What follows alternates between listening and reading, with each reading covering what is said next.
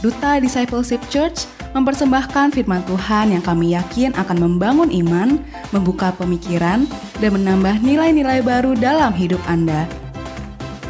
Dari Indonesia, selamat mendengarkan. Selamat siang, Shalom. Sukacita siang hari ini bisa bertemu dengan Bapak Ibu kita bersyukur.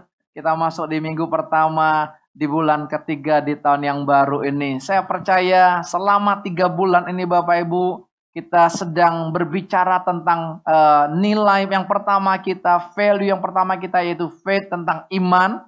Kita sudah diajarkan apa arti itu iman sendiri, bagaimana iman muncul dari pendengaran akan firman Kristus. Jadi Bapak Ibu dan saya hari-hari ini harus hati-hati dengan telinga rohanimu, Jangan banyak mendengar berita dunia, jangan banyak mendengar berita-berita yang bohong, Bapak Ibu, tapi banyaklah baca firman hari-hari ini, gali firman Tuhan.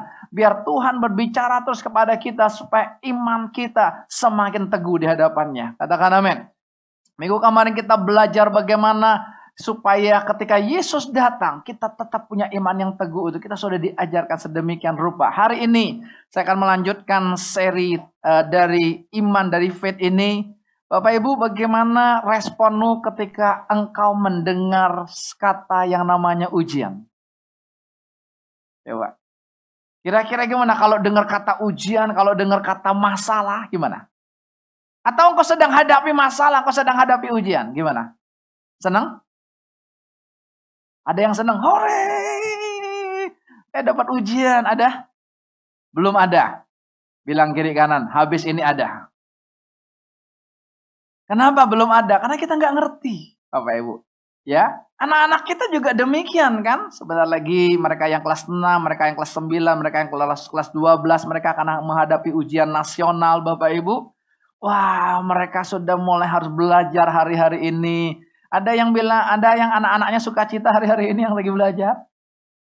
Enggak ya. Kenapa? Udah mau ulangan, tidak boleh main lagi.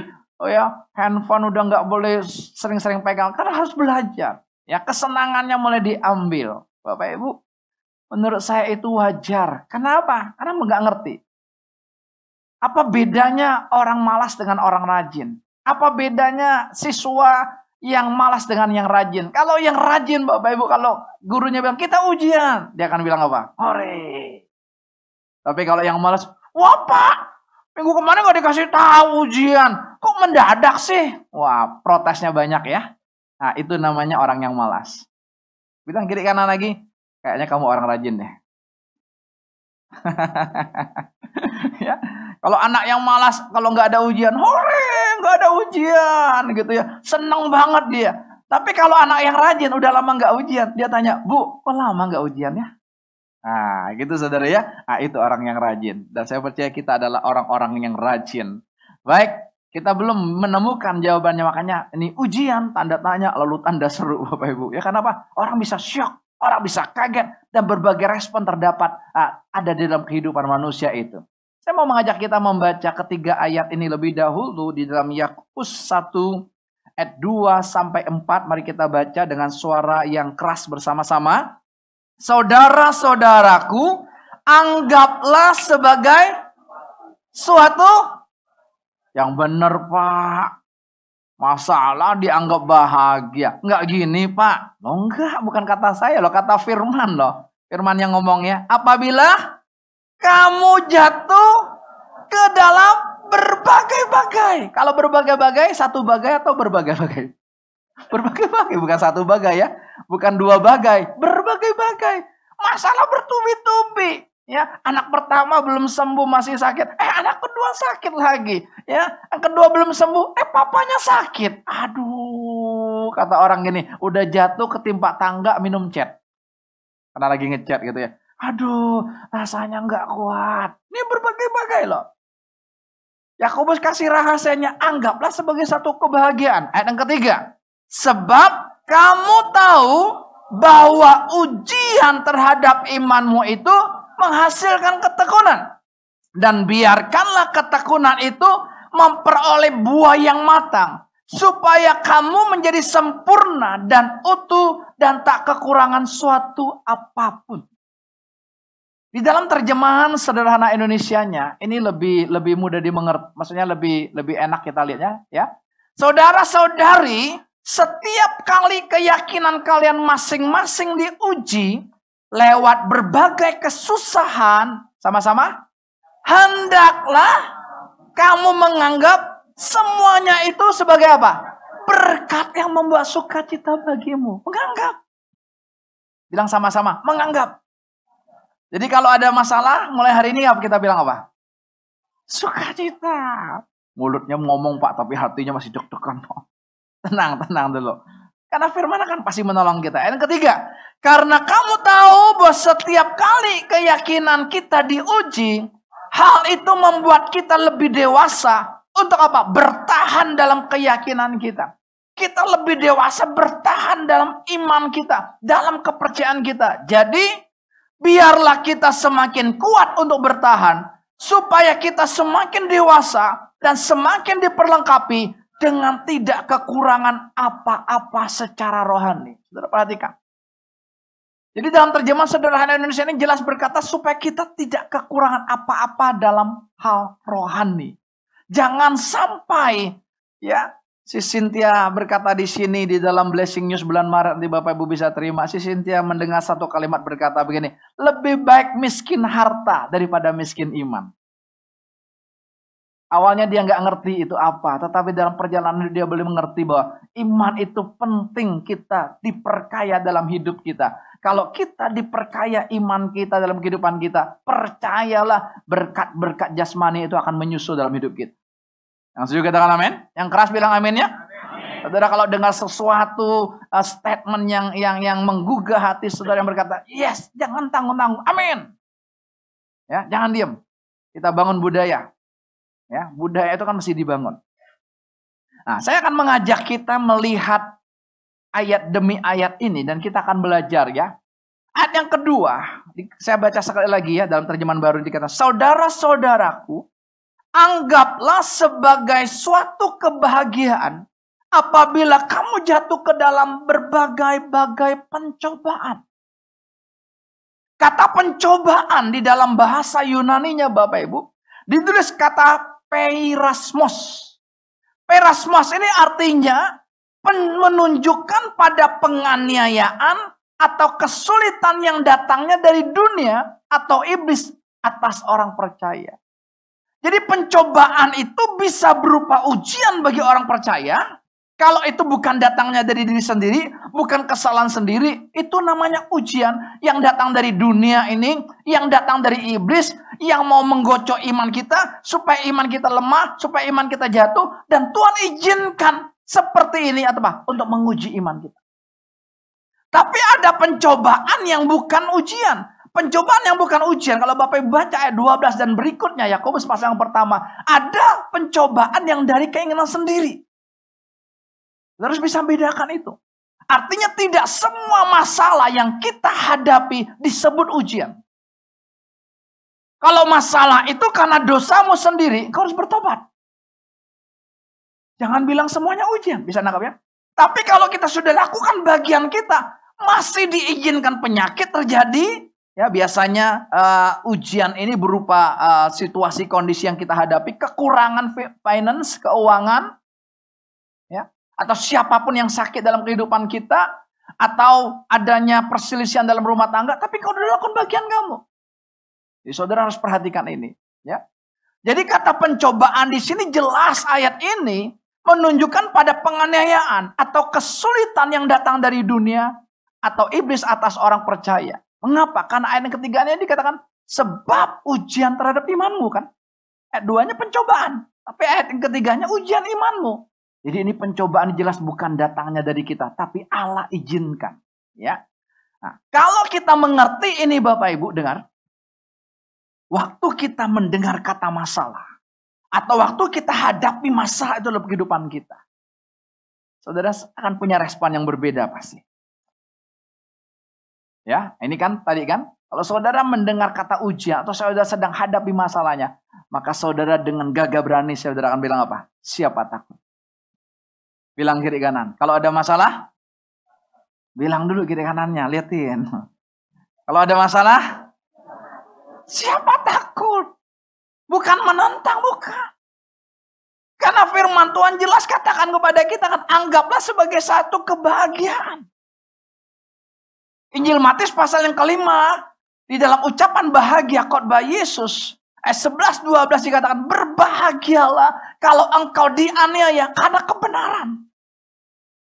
Jangan dianiaya karena kesalahan. Jangan dianiaya karena kebodohan kita. Jangan dianiaya karena dosa kita. Tapi berbahagialah kalau engkau dianiaya karena kebenaran. Kenapa? Karena upamu besar di surga. Pasti ada upah. Jelas ini ya. Jadi kita nggak akan pernah takut ngadapin masalah. Kita nggak pernah takut. Orang yang takut ngadapin masalah karena dia nggak tahu apa tujuan masalah itu terjadi dalam hidup. Orang yang takut ngadapin masalah karena dia tidak tahu mengapa Tuhan izinkan ini terjadi dalam kehidupannya. Dia nggak tahu. Hari ini rahasia ini Tuhan bukakan buat kita supaya kita tahu. Jadi waktu kita ngadapin masalah, bahkan berbagai-bagai masalah, kita tetap enjoy. Amin. Tetap senyum sekalipun gigi sedang sakit. Tetap suka kita sekalipun anak sedang sakit. Amin. Jangan pasang wajah angker. Kalau lagi punya masalah. Ingin menunjukkan kepada dunia. Ini loh gue lagi punya masalah. Kamu kan enak. Ingat kita bilang begitu ya. Kamu enak gak punya masalah. Siapa bilang? Orang sering kali ketemu dengan saya. Pak Andreas kayaknya enak banget hidupnya. Gak punya masalah. Saya bilang gini. Mau masalah saya? Oh enggak, enggak Pak. Enggak Pak. Ada. Cuman saya udah diajarkan terus-terus dan terus belajar sampai hari ini ketika ngadapin masalah itu gimana cara meresponinya itu penting. Ya, nah hari ini saya mau mengajarkan kepada kita apa tujuannya ujian itu dalam hidup kita. Yang pertama tujuan ujian. Ayat yang ketiga jelas dikatakan sebab kamu tahu. Bilang sama-sama dong, sebab saya tahu. Saya, Bapak Ibu harus tahu. Kalau nggak tahu, pasti nggak akan bahagia. Tapi kalau tahu, pasti bahagia. Taunya apa? Bahwa ujian terhadap imanmu itu menghasilkan ketekunan. Bilang sama-sama, ketekunan. Jadi yang pertama, mengapa kita harus bahagia menghadapi ujian iman? Karena akan menghasilkan ketekunan. Coba anak-anak kita lagi ngadapin ujian. Belajar nggak dia? Belajar kan? Sekalipun agak kesel-kesel, tapi dia tekun. Ya, jangan intimidasi ya. Kamu masih belajar sungguh-sungguh. Kalau nggak lulus, papa rugi. Jangan. Kalau gitu sengaja dia nggak belajar. Jangan. Bilang, kalau kamu nggak lulus, yang rugi kamu. Jadi selalu selalu balikin kepada mereka, yang rugi kamu loh. Kamu kalau nggak nggak lulus ujian nasional ini kelas 6 ini, ya kelas 9 ini atau kalau 12 ini, kamu tetap ada di sekolah yang sama. Adik kelas kamu yang kelas 5 akan jadi teman kamu loh. Jadi itu akan memotivasi dia untuk belajar. Semakin tekun. Harusnya orang Kristen itu, orang percaya itu, waktu dia ngadapin masalah, dia harus semakin tekun cari Tuhan. Ya, Makanya Tuhan sengaja izinkan masalah buat kita Bapak Ibu. Karena Tuhan mau dekat dengan kita. Yang punya anak teens, punya anak youth, engkau alami anak-anakmu ya. Baru pulang sekolah, taruh tas, dia udah keluar. Futsal lah, pulang futsal, basket lah. Pulang basket, berenang lah. Kapan ini anak di rumah? Rumah kayak kos. Ya, tapi coba waktu dia sakit. Dia ada di rumah kan? Betul nggak? Dia akan dekat sama papanya, akan dekat sama mamanya. kadang kala Tuhan mengizinkan aja. Karena dia mau dekat dengan kita Bapak Ibu. Tapi sering kali kita salah. Bapak Ibu di tempat ini setiap hari. Mulai dari tanggal 1 Januari yang lalu. Ada yang namanya intimate worship dari jam setengah 10 malam sampai jam setengah 11. Siapa yang sudah ikut, yang udah pernah ikut, angkat tangan tinggi-tinggi. Ya. Wow, ya. Ya, yang belum angkat tangan tanya, ada apa sih di intimate worship? ya, setiap hari Bapak Ibu. Jam setengah sepuluh sampai jam setengah sebelas malam. Waduh pak saya udah tidur. Rubah. Pola tidurmu jangan cepat-cepat tidur. Pulang dari intimate worship baru tidur. Gak kemalaman. Enggak. Gak kemalaman. Kalau apa? Kalau kita sebelum tidur intim dengan Tuhan, apa enggak indah mimpinya? Pasti indah. Kita ngadapin masalah seberat apa pun kalau kita intim sama Tuhan, kita berserah kepada Tuhan, pasti indah. Saya akan usahakan akan terus hadir, Bapak Ibu. Kecuali kalau ada saya ada konseling atau ada pertemuan, ada rapat memang sampai babas bablas waktunya, ya nggak bisa. Tapi kadang-kadang saya ketemu orang sampai jam 9 lewat 40 menit. 10 menit saya terlambat, gak apa-apa. Bukan sengaja saya terlambat. Saya akan cari Tuhan. Kenapa? Ini penting sekali Bapak. Ayo gereja di tempat ini menyiapkan wadah untuk kita intim dengan Tuhan. Jadi ketika kau punya masalah jangan bergumulin sendiri. Engkau ada komunitas yang menguatkan engkau. Ketika engkau datang mungkin bingung. Orang menyembah ya bahasa roh. Orang gini ya. Gak apa-apa ikut aja. Nanti engkau akan terimpartasi lewat orang kiri kanan. Sabtu ini Bapak Ibu di tempatnya ada yang namanya SPB. Sehati bertemu Bapak. Masih dua minggu sekali, dua minggu sekali. Ya, jam setengah lima pagi. Setengah enam maksud saya. Jam setengah enam pagi kita cari Tuhan. Tekun mencari wajah Tuhan ini penting Bapak Ibu. Jangan main-main. Waduh Pak mengganggu jam tidur saya. Ya nggak bisa. Kita itu berbicara jam tidur berbicara daging. Daging ini lemah tapi roh itu penurut. Tapi daging ini mengapa begitu kuat? Karena kita kasih dia makan. Tapi kalau kita nggak kasih dia makan daging ini, kita matikan daging ini, kita kasih makan roh kita, kita bertekun cari Tuhan. Saudara akan melihat. Setiap masalah yang kau hadapi, kau akan suka cita ngadapinya. Kenapa? Kau akan jadi berkat buat orang. Saya menyaksikan di Korea Bapak Ibu. Korea mulai bulan Desember, Januari, Februari gini. Masih dingin sekali Bapak Ibu. Februari gini aja kalau malam masih minus 10 ya. Minus 9 kalau siang hari itu eh, satu derajat, dua derajat sampai tiga derajat. Dingin sekali. Saya dapat info dari Papa Pak. Papa Pak ini adalah uh, Papa rohani dari mentor saya, dari ibu rohani saya. Jadi saya panggil dia Grandfather Spirit. Kerennya ya. Kakek rohani. ya kan Papa rohani dari mentor berarti kan saya cucunya. Saya panggil dia kakek rohani. Dia menginfo informasikan bahwa di Korea Selatan itu ada bukit-bukit doa di sana kurang lebih hampir 250 ke atas banyak. Jadi nggak heran terjadi kebangunan yang luar biasa. Dan saya menyaksikan, oh di musim dingin begitu, orang-orang datang berdoa di satu tempat doa yang kami datang Bapak Ibu. Jam 12 siang mereka berdoa. Mereka menyembah dengan sukacita, dengan sorak-sorai, dengan wah, apa, seperti mars gitu, wah, kayak tentara gitu Bapak. Dari jam 12 siang sampai jam 4 sore. 4 jam nonstop. WL-nya seorang tante-tante ya saya perkirakan di atas 60 tahun lah. Orang lebih kayak Ibu Esther itu. Tapi nyanyinya gini. Kalau lagu-lagu lagu Indonesia gini. Ku masuki gerbangnya dengan hati bersyukur. Wah. Maka dia kan dengan oh, semangat. Itu kami datang agak duluan jadi baru baru puluhan orang gitu ya. Wah tambah ratusan orang. Tempat itu kapasitas 4 500 penuh dengan orang-orang. Luar biasa sih. Anak-anak muda di sana boleh yang namanya ada Gangnam Style. Ada yang namanya K-pop yang mengganggu mereka. Tapi saya melihat orang tua mereka yang berdoa buat anak-anak mereka. Luar biasa. Dahsyat. Makanya nggak heran terjadi kebangunan terus. Saya lihat seorang om-om kena stroke dia. Dia buat tongkat. Lagi hujan salju lagi hari itu. Dia jalan. Dia nonton. Coba. Kita bilang gini, orang udah tua ngapain di rumah aja? No. Cari Tuhan. Kita belum hujan salju kan? Baru gerimis tadi aja. Boleh nggak ya hari ini bolos? Gerimis itu ujian yang kecil. Ujian yang kecil nggak bisa dilewati, gimana ujian yang gede?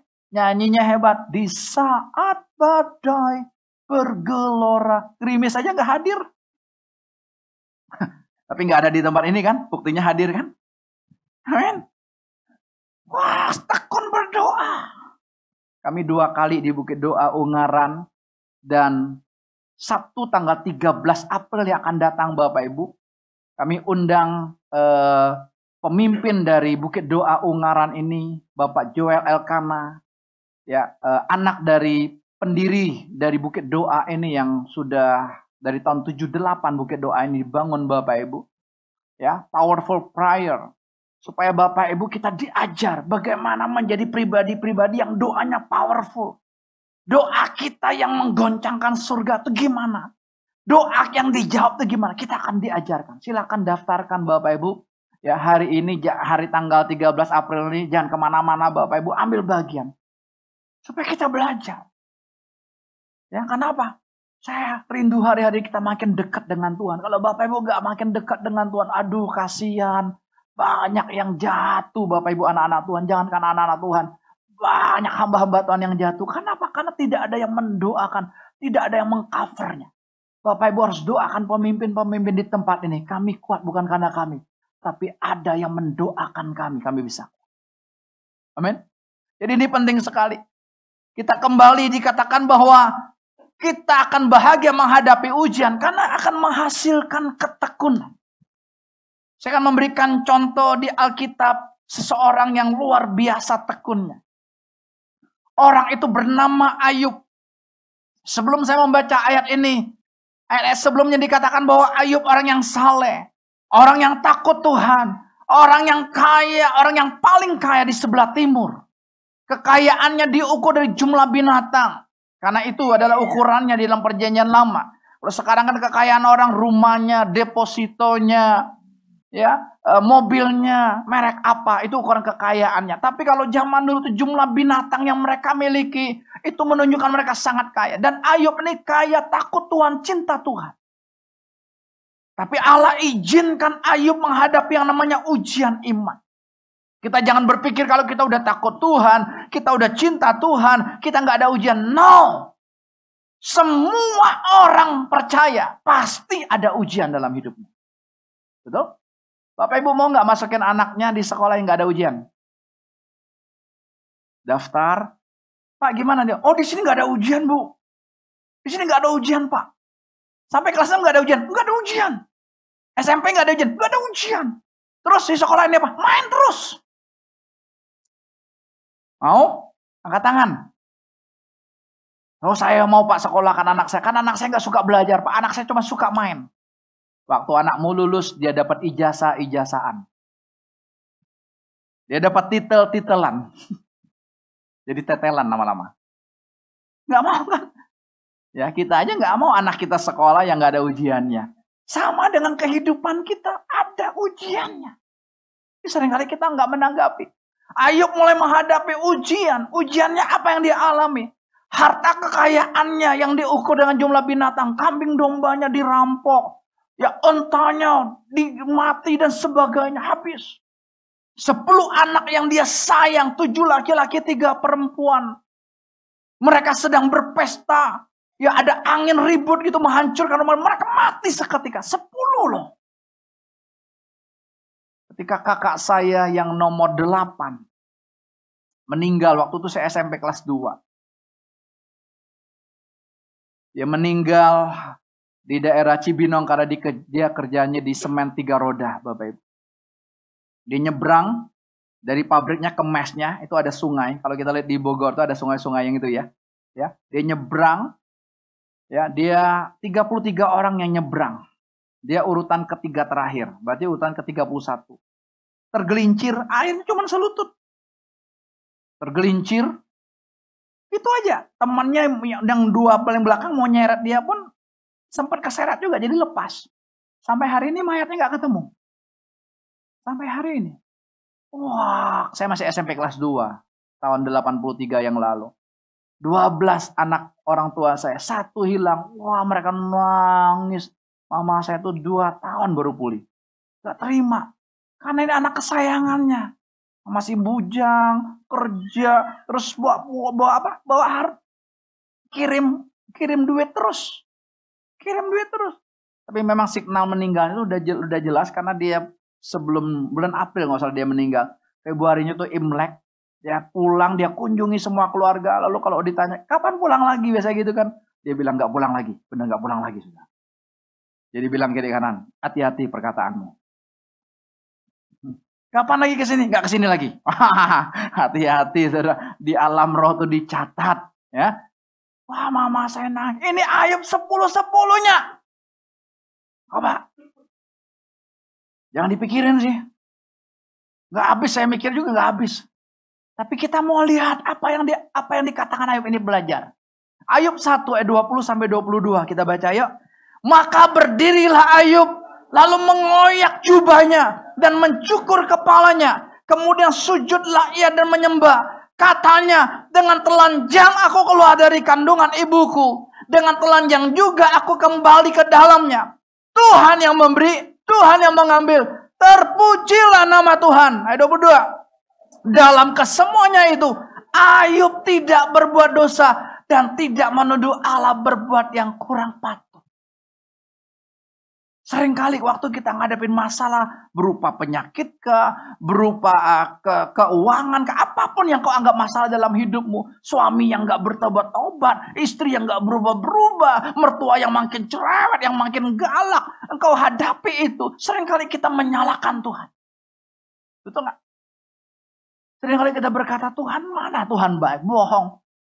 Pak pendeta boleh ngomong Tuhan baik, itu cuma ngomong kosong di atas mimbar. Gak. Saya bak, saya katakan tidak omongan kosong. Kami sudah alami, saya sudah alami. Hampir 30 tahun saya ikut Tuhan, hampir ya. Tahun 90-an akhir. Tahun depan berarti saya 30 tahun ikut Tuhan. Tidak pernah sedetik pun Tuhan mengecewakan saya. Seringkali ketika kita hadapi masalah kita salahkan orang lain. Kita bela diri kita sedemikian rupa. Tapi saudara lihat Ayub. Kemarin waktu saya antar anak saya ke kampusnya malam hari karena dia tidak boleh menginap. Lalu di mobil dia setel uh, lewat apa? Eh Bluetooth ya, ya, saya mau bilang YouTube Bluetooth ya, ya Bluetoothnya gitu ya. ya. Lalu saya diberkati dengan satu pujian yang sedang di setel itu yang dibawa oleh Bapak Pendeta Welyar Kauntu, Bapak Ibu tahu ya, yang suaranya khas sekali. Lalu di tengah-tengah pujian dia bawakan itu dia berhenti. Lalu dia menyaksikan begini. Dia bilang dia punya teman yang kena sakit jantung. Ya, akan operasi di Singapura. Tapi malam sebelum operasi, besok operasi, malam itu Bapak Ibu. Temannya ini mendengar ada orang memanggil dia. Waktu dia bangun, dia nggak ada orang. Kedua kali dia bangun nggak ada orang juga. Ketiga kali dia bangun. Wah dia tahu ini kalau udah ketiga kali ini, ini suara Tuhan ini. Tuhan. Kalau dia tanya, dia komplain sama Tuhan. Tuhan, saya udah mengasihi Tuhan. Saya udah mencintai Tuhan. Saya sudah melayani. Saya setia ibadah. Saya kembalikan persepuluhan milik Tuhan. Saya nggak jadi pencuri. Saya nggak jadi perampok uang Tuhan. Saya jujur dalam segala. Kenapa Tuhan izinkan saya sakit jantung seperti ini? Besok saya harus operasi. Bapak Ibu, tahu Tuhan ngomong apa? Tuhan ngomong berbicara di hatinya. Masalahnya adalah apa? Kamu tidak pernah bersyukur. Kamu bersungut-sungut terus. Kamu ngomel terus seperti orang Israel nggak pernah bersyukur. Makanya mereka mati di padang gurun. Yang dari Mesir itu hanya Kaleb dan Yosua yang bisa masuk tanah perjanjian. Yang lain mati semua. Karena kamu nggak bisa bersyukur. Saudara malam itu dia tersungkur di kaki Tuhan. Dan dia mulai naikkan pujian. Terima kasih Yesusku. Terima kasih Yesusku.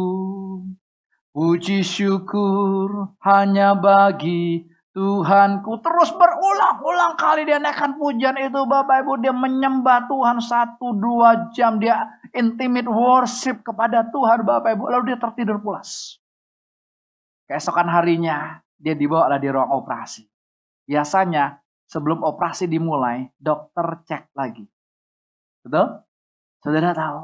Waktu dicek lagi oleh dokter, dokter menyatakan apa? Jantungnya pulih total. Wow, saya bilang saya dengar kesaksian gini, saya bilang, yes Tuhan. Menguatkan iman saya, meneguhkan khotbah hari ini. Kita kurang bersyukur. Bersyukur itu salah satu tanda kita suka cita. Bersyukur bukan berarti kita sudah menang, belum. Kita sedang hadapi masalah itu. Kita sedang kekurangan keuangan. Anak kita sedang sakit belum menerima kesembuhan, tapi kita bersyukur. Saudara akan melihat seperti Ayub. Ada kuasa yang dahsyat di balik ucapan syukur. Saudara mengenai penyakit jantung ini, Sabtu depan, oh bukan Sabtu depan, dua minggu lagi, tanggal 16 Maret Bapak Ibu, gereja bekerja sama dengan Rumah Sakit Ciputra kita akan di, disampaikan oleh Dr. Zainuddin ini tentang menghindari kematian mendadak akibat serangan jantung. Silakan Bapak Ibu ambil bagian, siapa pun boleh hadir.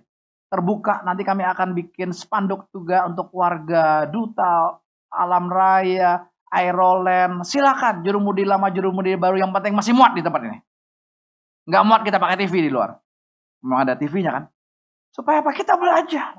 Kita sering dengarkan Teman kita baru aja kita ketemu, baru telepon, tahu udah nggak ada lagi. Kenapa? Meninggal mendadak. Ya, jadi kita diberikan kesempatan ini gratis ada durpresnya lagi pada pot. Tapi jangan ngarapin durpresnya. ya, jadi catat ini dua minggu lagi. Kalau Sabtu depan kita SBB, dua minggu lagi 16 Maretnya jam 10 sampai jam 12, dua jam. Kita akan dapat pembekalan ini supaya kita berjaga. Itu bagian kita. Kalau kita udah jaga, pola makan udah jaga, pola istirahat jaga, pola olahraga kita jaga, masih diizinkan sakit, itu namanya ujian. Tapi kalau saudara nggak jaga, saudara ngerokok, saudara kasih asap kepada jantung saudara, ya jantung saudara jadi jantung asap. Kayak daging asap. Ya repot. Jangan, itu bukan ujian. Itu pencobaan yang kau dari kedaginganmu. Harus bertobat, harus minta ampun. Jelas ya Bapak Ibu ya. Apakah cukup Ayub alami begini? Tidak. Di pasal yang kedua dikatakan apa? Iblis lapor sama Bapak di surga. Bapak di surga tanya, gimana? Udah belum? Hamba Ayub, udah. Tapi kamu jaga kesehatannya. Dia masih bisa mengucap syukur ayat ini keluar. Oke, kata Tuhan apa? Silakan. Tapi dengar, kamu jangan ambil nyawanya. Saudara ngerti artinya apa? Hidup kita, saudara, nyawa kita kalau Allah nggak izinkan, nggak ada yang bisa ambil. Saya nangkap ini? Itu jelas ayat itu. Oke? Okay? Kamu boleh kerjakan dia, tapi nyawanya jangan ya. Nyawanya ada dalam tanganmu. Saudara, Alkitab katakan Ayub kena satu penyakit dari ujung kepala sampai ujung kakinya bara semua. Dia nggak bisa tidur di rumah, di, di rumah yang mewah itu nggak bisa lagi. Hartanya udah habis kan. Dia pakai beling, garuk-garuk. Lalu yang saya lihat ini luar biasa. Hebatnya Ayub. Ayub 2 ayat 9 dan 10. Maka berkatalah istrinya kepadanya. Masih bertekunkah engkau dalam kesalehanmu? Kutukilah alamu dan matilah. Saudara, seorang suami hartanya habis dalam waktu mendadak yang dia kumpulin puluhan tahun kerjanya warisan dari orang tua dan sebagainya. Lalu sepuluh anak kebanggaannya mati mendadak. Saudara. Lalu dapat istri yang ngomel dari terbitnya matahari sampai terbit lagi. Kuat nggak? Oh, gampang. Nggak gampang. Suami-suami dapat istri yang baik aja masih diomelin. Kasihan ya. Kasihan nggak? Si istri udah baik masih diomelin. Ada suami-suami udah baik, istrinya juga galak. Kadang-kadang bingung ya. Ada yang bilang ini, kenapa yang galak nggak ketemu sama yang galak? Habis dong. yang galak ketemu kawinnya sama yang cerai berantem terus. Tuhan tuh baik. Yang galak ketemu yang sabar nggak ketulung. Sampai yang galak bingung. Lu mau diapain juga kagak marah. Ya kan eh, itulah Tuhan tuh hebatnya. Sudah dipersatukan jelas. Enggak gampang. Mati aja, mati aja. Ngapain bertekun? No. Hadapin masalah, jangan menyerah. Pasti kita akan capai tujuan Tuhan yang Tuhan inginkan dalam hidup kita. Ayat 10 kita baca sama-sama yuk. Tetapi jawab Ayub kepadanya, engkau berbicara seperti perempuan gila. Apakah kita mau menerima yang baik dari Allah, tetapi tidak mau menerima yang buruk? Dalam kesemuanya itu, Ayub tidak berbuat dosa dengan bibirnya. Perhatikan, dalam semuanya itu hebat kan? Ini yang Tuhan mau. Pasal 3 kita mulai baca, nanti ada keluh kesah Ayub. Ada tergelincirnya Ayub. Kadang-kala dalam kehidupan kita waktu kita ngadapin masalah ada tergelincirnya. Tapi jangan sampai kita jatuh. Terus dalam proses kehidupan Ayub terus bertekun. Dia sempat menyalahkan teman-temannya karena teman-temannya juga intimidasi dia. Dia punya komunitas yang tidak sehat. Rasain lo yuk, lo sih rajin ke gereja, lo sih ikut DC, lo sih ikut intimate worship. Ngapain ikut?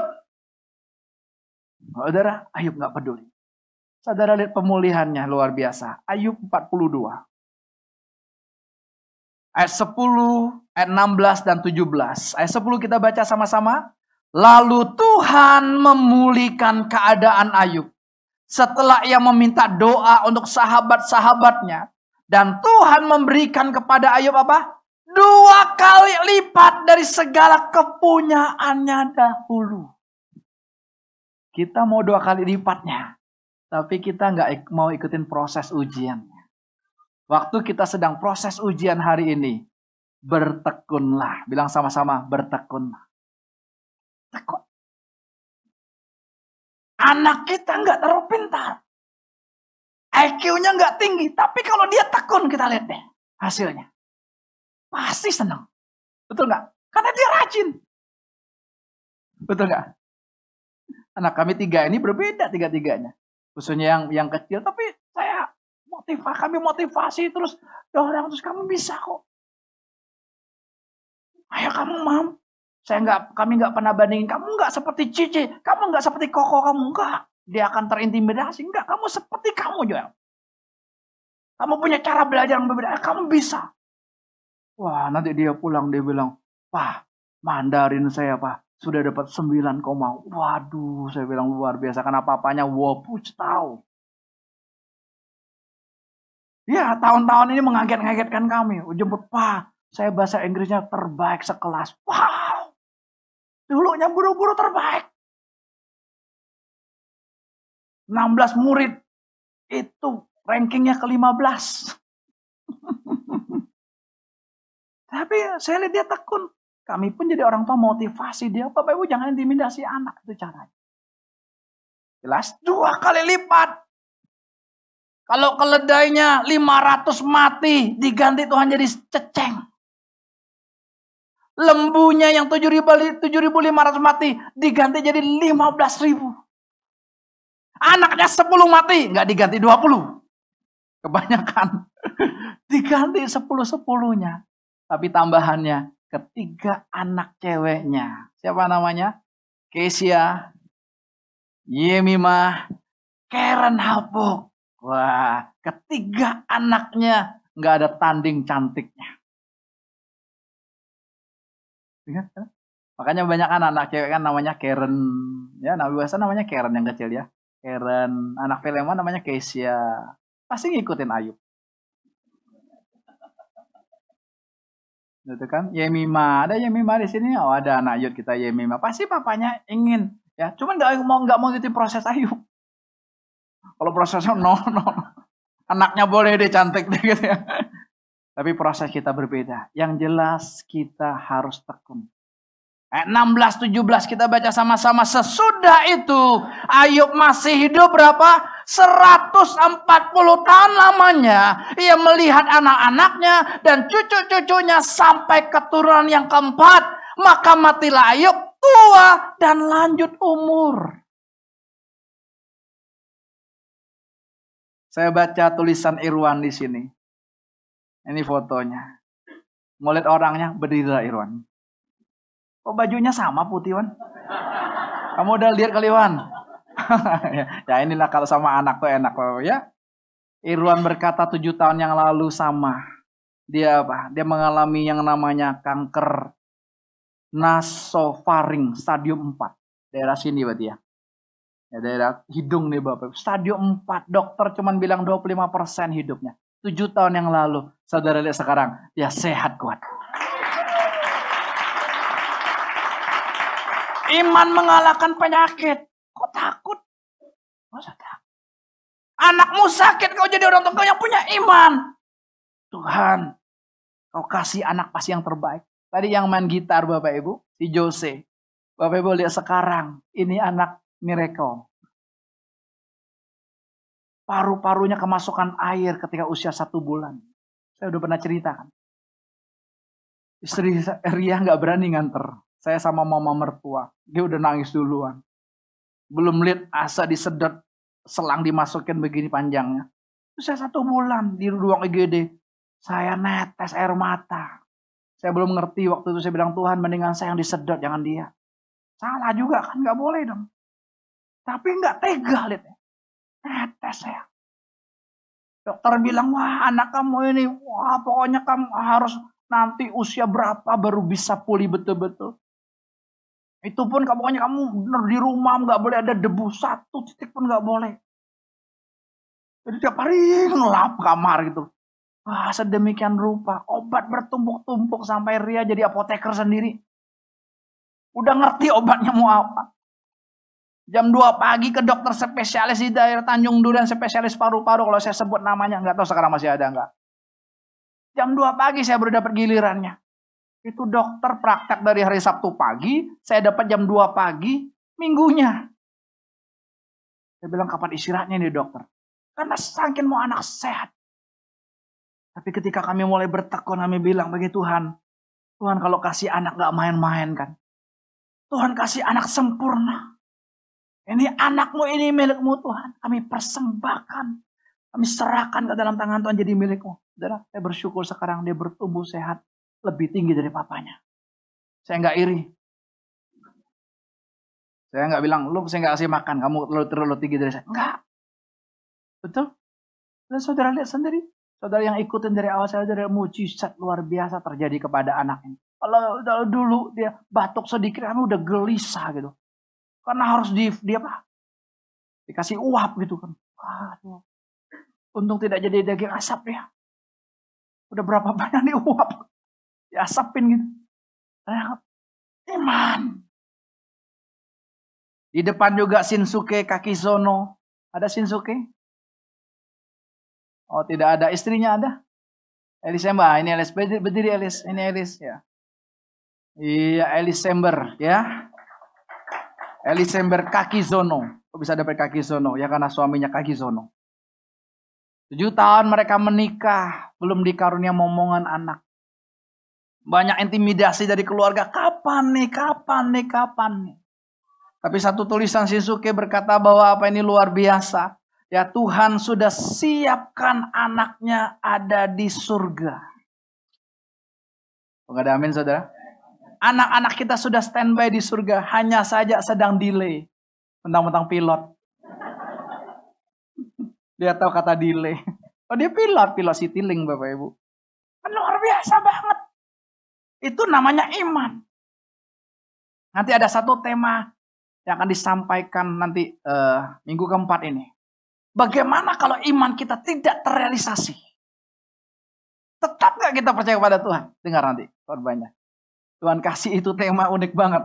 Bagaimana ketika iman kita tidak terrealisasi dalam hidup kita? Kita udah percaya penuh, tapi nggak sembuh. Kematian terjadi. Kita udah udah udah udah beriman penuh, keuangan kita di, di, diberkati, tapi kekurangan yang kita hadapi. Tetap nggak kita beriman? Tunggu jawabannya nanti. Tapi yuk kita belajar terus bertekun. Amin. Ya, ini luar biasa cerita tentang Ayub. Yang kedua, kalau kita tahu tujuan dari ujian iman itu sendiri, maka kita akan hadapinya dengan sukacita. Yang kedua, tujuannya ayat yang keempat dari Yakobus pasal yang pertama dan biarkanlah ketekunan itu memperoleh buah yang matang supaya kamu menjadi sempurna dan utuh dan tak kekurangan suatu apa pun. Sudah dengar? Ya, Tuhan mau lewat ujian iman itu kita punya buah yang matang. Orang dunia sedang cari bukan pohon dalam hidupmu. Bukan daun yang rimbun dalam hidupmu. Tapi orang dunia, keluarga yang belum kenal Tuhan, sedang mencari buah yang matang dalam hidupmu dan hidup. Itu yang dicari. Ada nggak buah yang matang itu? Ada nggak buah kehidupan yang kita hasilkan dalam kehidupan kita? Yang kedua kita belajar apa tujuan ujian iman itu. Supaya kita naik level iman kita Bapak. Naik level iman dari tahun lalu kita naik seperti anak kita kenapa ngadapin ujian nasional. Tentu yang SMA lebih dahulu, yang kelas 12 dulu kan. Baru yang SMP kelas 9 kan. Mengapa? Supaya dia bisa melanjutkan kuliahnya. Yang SMP yang kelas 9 supaya dia bisa melanjutkan SMA-nya, SMK-nya atau apa pun. Yang SD kelas 6 dia bisa melanjutkan SMP. Tapi kalau anak kita berkata, saya nggak mau ikut ujian nasional. Nggak bisa. Kalau kita mau naik level, kita bilang, saya nggak mau ikut ujian, Pak. Enggak. Saya nggak mau punya masalah, Pak. Nggak bisa. Saya mau katakan tidak bisa. Kalau saudara nggak mau ujian, saudara stop. Saudara berakhir hidup. Tapi berani berkata di sudut waktu harusnya kamu sudah jadi pengajar. Tapi kamu masih sukanya susu. Artinya apa? Bayi. Suruh doa makan aja, tendang kiri, tendang kanan. Kamu doa, kamu doa. Di bawah meja. Kamu yang doa dong, kamu yang doa dong. Istrinya diintimidasi. Kalau lagi makan keluarga sama-sama, kamu suruh saya doa, pulang kita ribut. Waduh. Pulang kita ribut. Belum makan, pulang udah minta ribut. Kenapa? Karena kita nggak diajarkan. Di dalam DDC community kami ajarkan Bapak Ibu. Kita naik level. Roma 1, 16, 17 supaya apa? Kita beralih dari satu level iman ke level iman yang lain. Orang benar itu hidupnya oleh iman. Amin. Coba kita ukur level rohani kita. Level rohani seseorang bukan diukur betapa setianya dia rajin ke gereja setiap hari minggu. Enggak. Bukan itu barometernya. Tapi lebih diukur ketika dia ngadapin masalah. Bagaimana respon. Dia reaktif, dia marah-marah, dia nyalain orang sekitarnya, dia nyalain Tuhan yang gak becus ngatur dia, dia nyalain Tuhan, kenapa begini Tuhan? Kenapa saya udah begini? Tuhan isi izinkan. Berarti saudara dengar, dia salah respon. Itulah barometer kerohanian kita. Waktu kita ngadapin masalah. Saya percaya hari ini kita belajar. Ketika ngadapin masalah, reak apa kita nggak reaktif, tapi kita menjadi orang responsif. Ya Tuhan, terima kasih karena saya tahu saya mau naik kelas. Amin. Perlu belajar, perlu. Sampai hari ini saya terus belajar. Saya udah lulus belum? Tapi saya harus lulus. Semua kita harus lulus, katakan sama-sama harus lulus. Ya. Injil Yohanes 15 jelas berkata apa? Pohon yang tidak ada buahnya, aku tebang. Yang berbuah, dibersihkan. Dibersihkan. Karena Tuhan gak mau kita terlalu banyak daunnya. Tuhan gak mau kita terlalu banyak rantingnya. Tapi Tuhan mau kita banyak buahnya. Makanya dikatakan ayat tadi Bapak Ibu yang sudah matang itu di dalam bahasa Yunaninya tuh jelas ditulis dengan kata teleios. Teleios itu mencerminkan tentang kedewasaan kita. Hubungan kita yang benar dengan Allah. Yang berbuahkan usaha kita mengasihi Tuhan dengan sungguh-sungguh. Sehingga masalah tidak menghalangi hubungan kita dengan Tuhan. Enggak. Karena kita tahu. Tuhan izinkan kita supaya kita naik level kok. Waktu kita ngadapin masalah, kalau kita udah dewasa Bapak Ibu, kita nggak akan pernah nyalakan Tuhan. Karena Tuhan tidak mungkin, dengar, Tuhan tidak mungkin mengizinkan masalah dalam hidup kita melebihi kekuatan kita. Betul? Mungkin nggak Johan dan Leoni suruh siapa? Jill angkat gula satu kilo. Satu kilo loh. Gak mungkin. Dia gigitin. Jangan makan. Gak mungkin suruh dia nggak bisa. 1 Korintus 10 ayat yang ke-13. Kita belajar bersama-sama dari ayat ini bagaimana Tuhan mau kita naik level di hadapan Tuhan. Sama-sama yuk. Pencobaan-pencobaan yang kamu alami ialah pencobaan-pencobaan biasa. Yang tidak melebihi kekuatan manusia. Sebab Allah setia dan karena itu ia tidak akan membiarkan kamu dicobai melampaui kekuatanmu. Pada waktu kamu dicobai, ia akan memberikan kepadamu jalan keluar sehingga kamu dapat menanggung. Saudara, ini sama dengan Yakobus 1 tadi pencobaannya ini sama. Pencobaan yang Tuhan izinkan, ujian-ujian yang Tuhan izinkan yang kita alami itu yang biasa, bilang biasa. tepuk kiri kanan bilang biasa. Jangan kayaknya gede banget. Kayaknya kita yang paling menderita keluarganya. Kayaknya kita jadi istri yang paling menderita punya suami kayak begini. Kayaknya cuma lo doang yang kayak gini di dunia. Enggak, masih banyak. Cuman kamu nggak pernah lihat yang lain. Kayaknya kita doang yang yang yang, kesulitan ekonomi. Enggak, masih banyak. Tapi kok mereka bisa mengucap syukur? Beberapa hari yang lalu saya ketemu di mana ya? Tukang tukang apa, yang nyangkul-nyangkul gitu loh. Ah, bukan yang truk-truk. Ya, itu ya, oleh dia tidur depan depan PT bisnis, PT dinamis gitu, dia tidur sambil duduk. Kapan ya? Kemarin ya, kita lihat ya. Dia sambil duduk. Tidur. Bilang ini orang dapat kasih karunia banget. Di bawah pohon dia duduk loh, sampai tidur. Di sini ada cangkulnya. Wow. Kita punya Tuhan yang hidup, tidur aja susah. Kok dia begitu ya? Teganya dia ya. Saya juga nggak nyangka loh dia nyakitin saya begitu loh. Wah dia upload saya di, di Instagramnya. Di Facebook saya dikata-katain. Waduh, nggak bisa ya. Kita mikirin terus ya udah. Celaknya terbuka, set. Iblisnya masuk. Tambah stres, Harusnya apa? Tuhan menyediakan hidangan di hadapan lawan-lawanku. Orang musuhin kita, makan. Tapi jangan banyak-banyak. Sukacita. Itu loh. Tuhan kasih jalan keluar. Tidak melebihi kekuatan manusia. Enggak percaya. Cuman waktu kita ngadepin, kita bandingkan dengan orang lain. Dia enak ya nggak ada masalah. Enggak.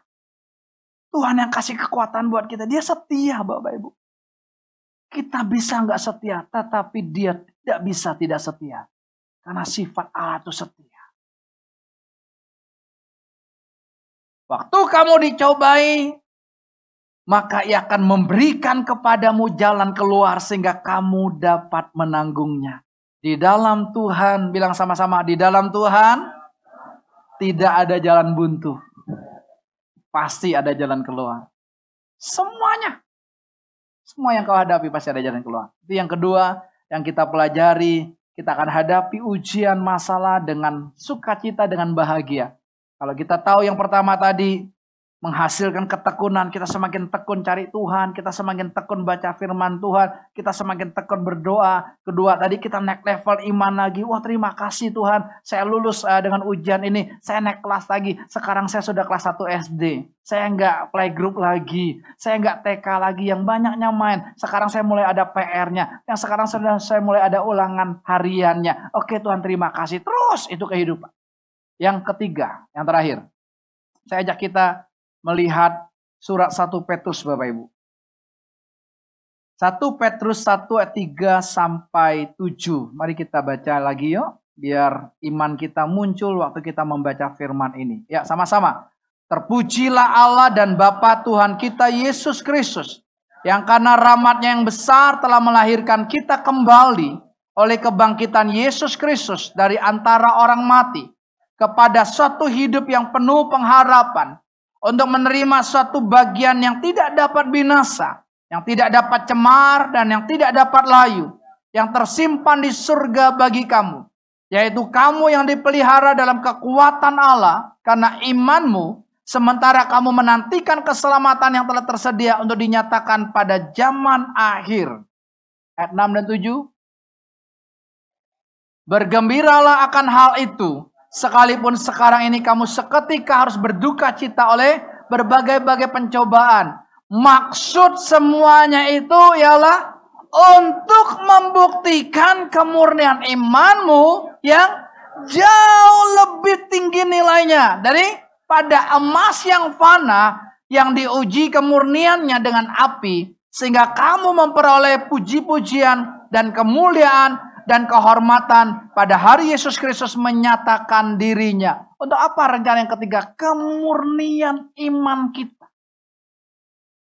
Tidak ada ulat di hati kita waktu kita ikut Tuhan.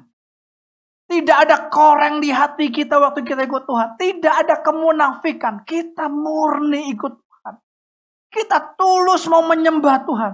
Kita tulus mau mencapai tujuan Tuhan dalam hidup kita. Apa pun yang kita lakukan. Yang melayani. Enggak curi kemuliaan Tuhan ingin dipuji oleh manusia. Enggak. Manusia enggak puji, pemimpin enggak puji. Enggak apa-apa. Biar Bapak yang melihat yang tersembunyi itu melihat apa yang kita lakukan, kita dapat upah dari Bapa di surga. Jelas? Kita nggak dipuji oleh pasangan kita, nggak apa-apa. Kok nggak pernah dibilang cantik sih? Udahlah, memang kamu udah cantik. Ngapain harus dibilang cantik? Emangnya waktu dia bilang cantik, kamu tambah cantik? Enggak kan? Ya udahlah, nggak apa-apa. Tapi suami jangan mentang-mentang, wah pak, amin pak. Saya memang nggak pernah puji pak. Jangan juga. Suami-suami jangan sampai istrimu dipuji oleh pria lain. Bahaya. Engkaulah orang pertama yang harus puji dia. Jelas. Jadi itu kehidupan kita. Tapi sering kali hal-hal yang gak penting, hal-hal yang kecil, hal dunia ini kita permasalahkan. Gak boleh. Kemurnian iman kita. Tadi saya dikasih info, ya karena saya kurang mendalami soal emas ya yang saya tahu ada 18 karat, ada 22 karat, ada 24 karat. Saya pikir 24 karat itu yang hebat. Ternyata masih ada lagi di atasnya yang logam mulia. LM. LM pun nggak bilang 100% murni karena nggak berani mereka bilang 100% murni. 99%. Itu emas. Wah dibakar sedemikian rupa. Juga hidup kita dibakar oleh api masalah tapi dengar, kalau kita tahu tujuannya supaya memurnikan hati kita, waktu dibakar itu kita berserah kepada Tuhan. Waktu kita berserah kepada Tuhan seperti Sadrak, Mesak, dan Amenego. Mereka masuk dalam dapur api yang dipanaskan tujuh kali lipat karena kegeraman Nebukadnesar. Disuruh menyembah patung aja nggak mau. Gak, tetap itu berhala. Tuhan tidak mau kita punya berhala yang lain. Tuhan tidak mau kita punya ilah yang lain. Jangan ada padamu ilah yang lain. Dan jangan menyembah patung yang dibuat apa pun. Enggak. Yes. Kamu dibenci oleh keluargamu. Resikonya masuk dapur api sadar mesa menego. Mereka siap. Karena mereka mengasihi Tuhan. Itulah kemurnian iman. Dibakar. Tapi dia bukan dasar kaget. Yang di, yang di, yang dilemparin tiga orang tapi di dalamnya ada empat orang. Yang lemparnya mati, yang dilempar harusnya lebih cepat mati. Sangkin panasnya. Saya nggak tahu tuh gimana panas tujuh kali lipat. Kalau air 100 derajat jadi 700 derajat. Kalau api gimana ya? Tujuh kali lipat. Yang bagian perapian tahu? Hmm. Itu artinya betul. Wah, yang lempar aja mati kok.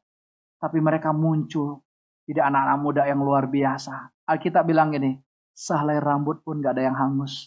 Bahkan bau gosong pun tidak nempel di tubuhnya. Kalau kita berani mempertahankan iman kita yang murni di hadapan Tuhan, saudara dengar, Tuhan yang bela engkau. Keluarga akan satu persatu datang kepada Tuhan. Tapi kalau kau kompromi, menyembah-menyembah berhala yang mereka sembah, tanpa kau melakukan small meter, smart work dalam kehidupanmu sehari-hari. Mereka tidak akan bisa mengenal Tuhan. Karena tidak ada orang yang berani bayar harga. Tidak ada orang yang berani mempertahankan iman yang murni. Jika kita pertahankan iman yang murni, kita akan muncul punya iman yang dahsyat dan luar biasa. Tiga hal ini menjadi kunci hari ini. Mari musisi WL Singer boleh datang di hadapan Tuhan. Yang pertama, apa tujuan ujian terjadi dalam kehidupan kita yang keras? Apa? Menghasilkan ketekun. Kita tekun cari Tuhan. Tekun cari wajah Tuhan. Bukan berarti kalau kita udah lulus tuh balik lagi enggak. Tapi akan jadi gaya hidup yang baru di depan Tuhan. Yang kedua, naik level iman kita. Kita mau naik kelas dong. Kita nggak mau hidup kita seperti ini aja. Amin. Sampai kita nanti endingnya di, di tanggal 28 uh, eh, bulan April terakhir itu. Endingnya bagaimana kita punya iman yang sempurna. Itu adalah ending dari nilai faith ini. Yang ketiga, kemurnian iman kita. Saya undang kita bagi berdiri di hadapan Tuhan.